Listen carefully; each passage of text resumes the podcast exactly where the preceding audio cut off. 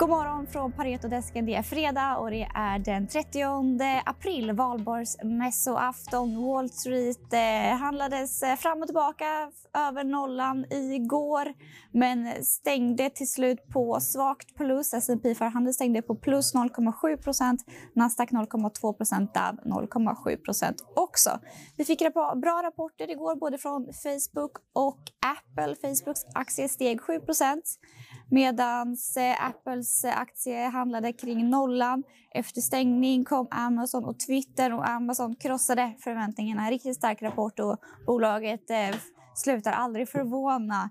Eh, aktien steg i efterhanden men Twitter nådde inte riktigt upp till förväntningarna och föll 9% i efterhanden. Här i Sverige är det halvdag idag på börsen, men vi hinner få in några rapporter trots allt. AstraZeneca kom precis med rapport som var bra och vi får också rapporter från SCA och Swedish Match.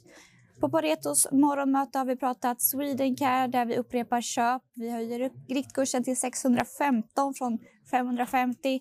Catena Media har vi en behållrekommendation som vi eh, står fast vid men vi höjer riktkursen något. Mips står vi också fast vid vår behåll och riktkurs. Evolution upprepar vi köp, höjer riktkursen till 1905 kronor aktien. Och Malon, vad var det som hände här egentligen? Vad är det som händer varenda kvartal i Evolution? Ja, nej, men det är ett fantastiskt bolag. Eh, de slår förväntningarna igen. Eh, jag såg några graf på att de har slagit EPS-förväntningarna varje kvartal sedan deras IPO 2015. Eh, de kom in 3-6% bättre än eh, våra förväntningar och, vi låg eh, högst i vår chansbild på, på Q1. Ehm, de växer på otroligt starkt. Det är väldigt tidigt skede fortsatt utanför Europa. Man hade en tillväxt på Polarcasino ger de ger på 60 %. Ehm, och, och jag, jag, tror liksom, det man inte, det man glömmer bort i, Evo-caset är att Eh, kollar utanför Europa så, så, är det väldigt tidigt skede. Jag menar, USA är under 10 av, av, eh, av sales. Eh, Asien växer en ja, 25-30 Q on Q här senaste kvartalen. Eh, och, och, vi räknar med fortsatt tillväxt på 15-20 Q on Q framåt. Så det är ett tidigt skede. Man, man är med och ett spel på det här skiftet från offline till online. Eh, och, och, och framförallt så, så skalar man väldigt fint på, på, på marginalen och inte minst med Asientillväxten på ebitda-marginalen. Så vi tror kommer att komma upp här eh, närmsta åren. Så, nej, fantastiskt bolag. Mm, men kursen har ju också gått fantastiskt starkt. Man ska inte skrämmas av det menar du då, utan det finns fortfarande tillväxt att hämta och eh, som förhoppningsvis då kommer spegla sig i, i ytterligare kurs, kursuppgångar. Ja, nej, men som sagt eh, tillväxten utanför Europa, det, det är ju bara börjat där. Eh, jag, menar, jag brukar säga Evo är eh, som ett litet barn utanför Europa eh, sett till potentialen och marknaden som finns där.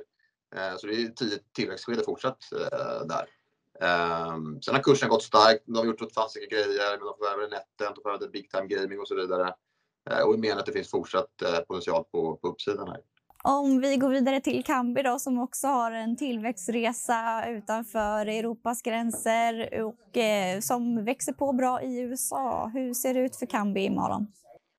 Eh, ja, nej, men det är ju väldigt starkt case på, på legaliseringen av sportsbettingen i USA, men också Latin, Latinamerika och så vidare och Kanada och så. Um, det ser bra ut. Kvartalen i sig var uh, lite bättre än förväntat mot konsensus. Uh, rätt in line med, med, vad vi förväntade oss.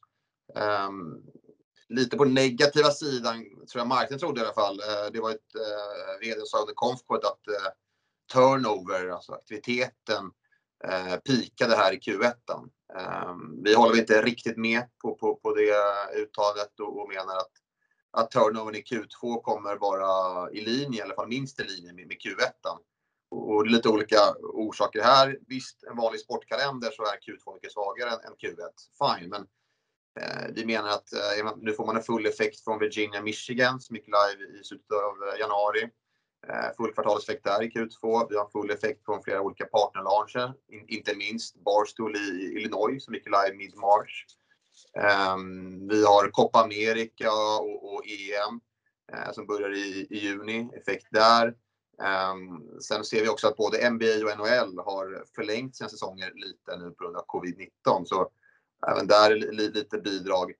Eh, sen räknar vi också med att Barstool-branden går live i, både Indiana och New Jersey under Q2. Så, så, vi menar att givet nya partnerlauncher och, och lite mer intens Q2 eh, sportkalender än vanligt så, så tror vi att eh, turnovern kommer snarare inline med Q1 och kanske till och med lite möjligt på uppsidan eh, än, än vad, vad, vad kan vi själva tror då. Eh, så, så vi, vi ser igenom lite det, det, det statement där de sa det på, på konfkålet. Eh, kan ju tillägga också att Draftkings sa på sitt konfkål eh, 26 februari eh, att de räknar med att Q2 är i linje lite svagare än Q1. Allt annat lika, det vill säga inte nya partnerlauncher och så vidare eller nya state launches. Um, så, så, så, vi är lite mer mot Draftkings sida än snarare Cambis uh, guidance här på Q2. Mm. Tack så mycket Malon, du får ha en trevlig varborg. Bra, detsamma, tack. Och det får ni också ha där hemma. Eller om ni är på kontoret. Eller om ni jobbar hemma. Det vet man aldrig. Ha det så bra. Trevlig helg.